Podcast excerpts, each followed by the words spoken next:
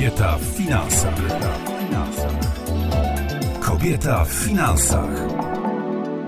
Tomasz Słodki, witam Państwa bardzo serdecznie. Marta Kobińska w studiu. Dzień dobry, witam Was serdecznie. Jak zdefiniować swoją wizję pieniądza? W poprzednich odcinkach e, rozmawialiśmy o tym, jak przekonania wpływają na nasze życie i dzisiaj zaproszę Was do ćwiczeń. Ale zanim to zrobię, słuchajcie, chciałabym, żebyście usłyszeli ode mnie jedną bardzo ważną rzecz. Nasz mózg jest jak komputer i kiedy się rodzimy, to tak naprawdę jesteśmy takim komputerem bez oprogramowania, czyli kupujemy taką sobie pustą skrzynkę. Kiedy dorastamy, kiedy tak naprawdę nabywamy pierwsze doświadczenia, no to nasze otoczenie wyposaża ten nasz komputer, czyli nasz mózg, w oprogramowanie, czyli takie przekonania, schematy zachowań. Kiedy gromadzimy to nasze oprogramowanie, zbieramy te wszystkie doświadczenia, zapisujemy sobie na tym naszym dysku, wtedy tak naprawdę formułuje się nasz system operacyjny, czyli nasz charakter i nasza osobowość. I tak naprawdę, słuchajcie, mając nasz mózg, czyli ten nasz komputer, mając to oprogramowanie i ten system operacyjny, my zaczynamy realizować nasze funkcje w społeczeństwie, ale tylko te, które mamy zapisane w naszym systemie operacyjnym. I to się wydaje bardzo skomplikowane, ale myślę, że ta analogia jest e, taka bardzo obrazowa, szczególnie, że żyjemy w e, czasach cyfryzacji. Marta Kobińska, dyrektor finansowa Międzynarodowego Holdingu, mentorka kobiet w zakresie budowania osobistej strategii finansowej. Ciekawe. Mam wrażenie, że dużo w tym prawdy.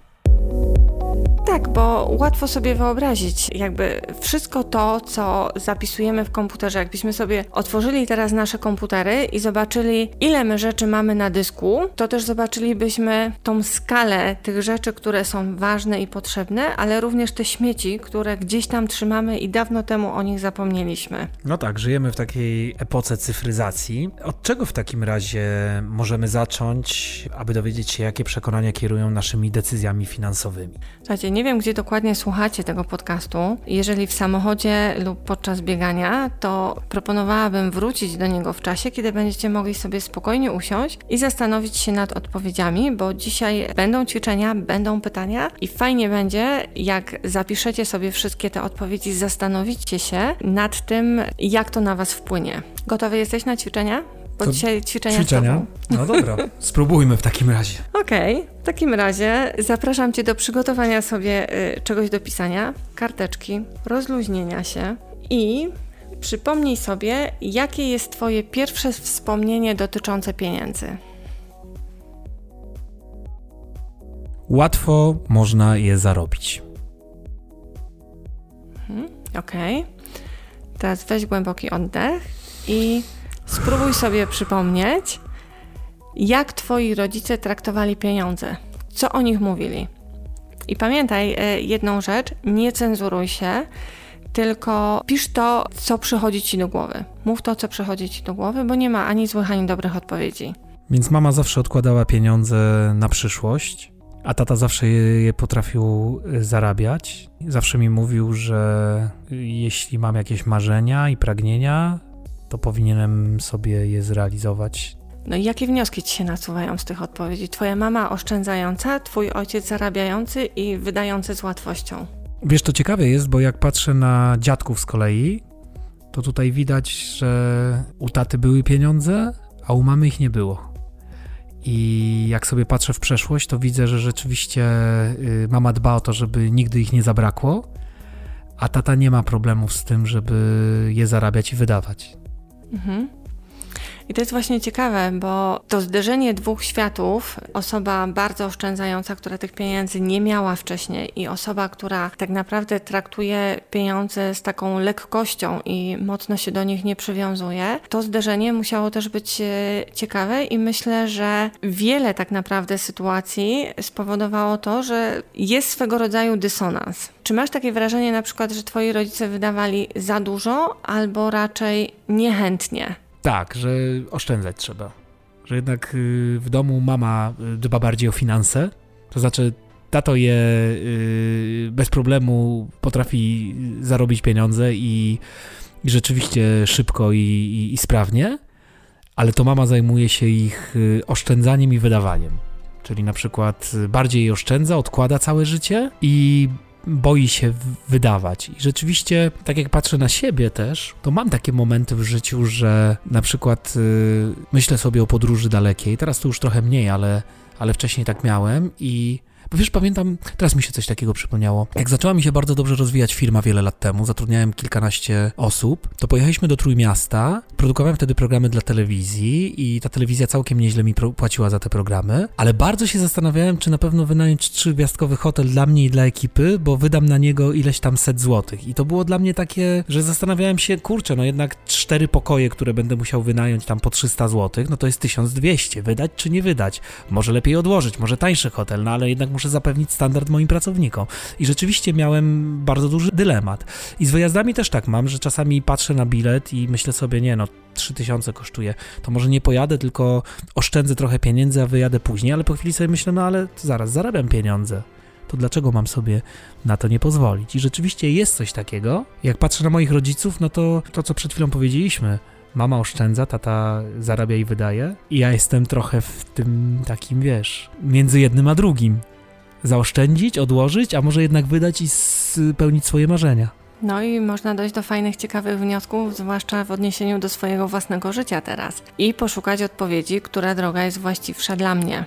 A to też ciekawe do tych schematów, o których mówiłaś na początku, że czasami, że często jest tak, że to nie są nasze rzeczy, że to jest tak jak ten komputer i to oprogramowanie. Tak, zapisuje się na nim wszystko, co usłyszeliśmy, nawet kłótnie, których byliśmy świadkami. A powiedz, czy twoi rodzice kłócili się o pieniądze?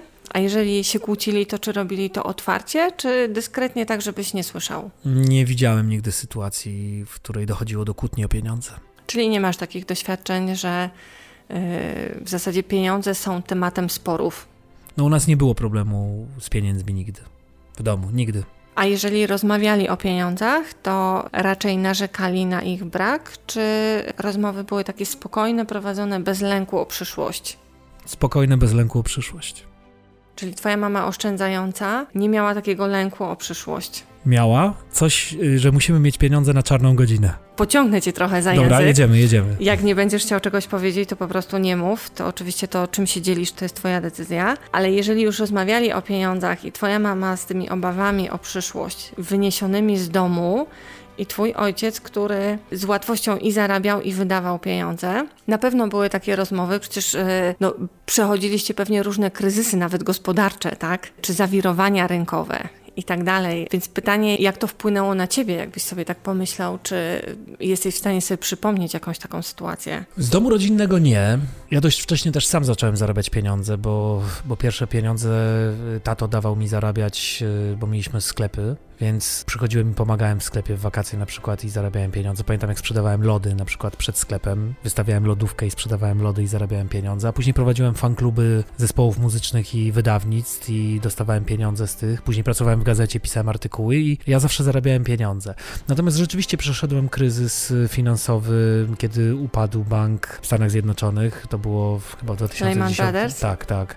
W 2010 roku i wtedy wszystkie korporacje zaczęły do mnie dzwonić tego dnia, że muszą odwołać nagrania, ponieważ obcięli im budżety marketingowe i rzeczywiście ja wpadłem wtedy w panikę, bo zdałem sobie sprawę, że nie mam odłożonego ani grosza na koncie. Wtedy sobie pomyślałem, że to odkładanie przez moją mamę pieniędzy to jest jednak dobre wyjście, a ja tu zostałem z ręką w nocniku i co ja teraz zrobię. I co ciekawe, po 10 latach, jak pojawił się kryzys covidowy, to też nie miałem odłożonych pieniędzy na koncie i tego dnia wszystkie domy kultury, w których miałem zaplanowane wystąpienia z moimi spektaklami, zadzwoniły i odwołały te spektakle, ale wtedy już wiedziałem, że nie należy wpadać w panikę i się denerwować, tylko spokojnie usiąść i znaleźć rozwiązanie. I tego się nauczyłem przez te 10 lat. A to, co mnie się nasuwa, to zobacz e, ten powtarzający się schemat że przyszedł kryzys w 2010 roku, upadł bank, nie miałeś oszczędności i stanąłeś przed sytuacją, że wszystkie Twoje nagrania zostały odwołane. W sytuacji, kiedy pojawił się COVID, wszystkie domy kultury odwołały Ci spotkania i znowu nie miałeś oszczędności. Ciekawe. Czy w takim razie mogę zmienić te przekonania? Możesz zmienić przekonania. Ważne, żeby tak naprawdę te emocje, które się w tobie pojawiły w tym momencie, fajnie będzie, jak trochę się nad nimi pochylisz i zobaczysz tak naprawdę, z czego one wynikają. I co tak naprawdę spowodowało to, że nie masz oszczędności? Czy bardziej wpłynął na Twoje życie tata z jego podejściem, ale jednak twierdzisz, że jednak mama ma rację, że trzeba te pieniądze oszczędzać i odkładać, bo przy drugiej sytuacji nie spanikowałeś, bo wiedziałeś, że już nie trzeba panikować, ale pewnie pojawił się taki lęk co będzie, bo nikt nie wiedział, co będzie. Marta Refleksja Komińska, bardzo dziękuję za rozmowę. Jestem, jestem bardzo ciekawy naszych kolejnych spotkań, na które nie mogę się doczekać. Ja również jestem bardzo ciekawa, ale pozwolisz, że na koniec dla naszych słuchaczy przeczytam tą listę pytań, tak żeby mieli odniesienie po prostu do swojej własnej pracy, żeby nie były zakłócone jakby tą naszą rozmową. Proszę bardzo.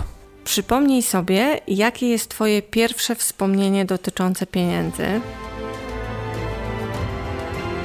Weź głęboki oddech i spróbuj sobie przypomnieć, jak Twoi rodzice traktowali pieniądze, co o nich mówili. I pamiętaj, że nie ma złych ani dobrych odpowiedzi, a to, co rodzice przekazali Ci w rodzinnym domu, jest wynikiem ich własnych przekonań, które wzięli z kolei od swoich rodziców. Jakie wnioski ci się nasuwają z tych odpowiedzi? Zapewne przypomniało ci się, jak wiele sytuacji było w Twojej rodzinie, gdzie możesz wywnioskować, jak Twoja rodzina traktowała pieniądze. A teraz poszerzmy trochę tą perspektywę i zastanów się, czy Twoi rodzice wydawali za dużo pieniędzy, czy raczej skąpili i wydawali je niechętnie. Jeżeli twoi rodzice kłócili się o pieniądze, to przypomnij sobie, czy robili to otwarcie, czy dyskretnie, tak żebyś e, nie słyszała. Czy w kłótni wypominali sobie swoje winy? Jaki to ma na ciebie wpływ? Jeżeli rozmawiali o pieniądzach, to czy raczej narzekali na ich brak, czy te rozmowy były spokojne, takie bez lęku? Czy kiedykolwiek usłyszałaś, że Twoje utrzymanie dużo kosztuje, i czy czułaś się wtedy winna? Jakie wnioski nasuwają ci się po tych przemyśleniach?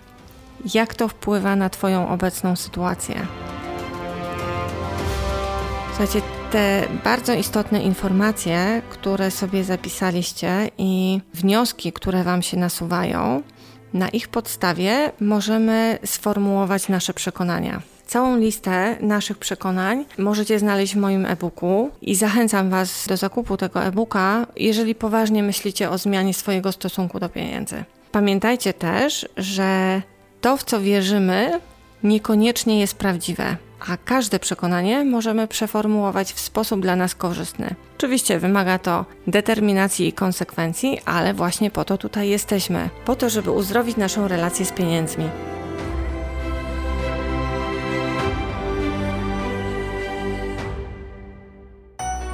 Jak zbudować dojrzałą relację z pieniędzmi? Osobowość finansowa w pięciu krokach. Przeczytaj e-book autorstwa Marty Kobińskiej. Piasek w butach.pl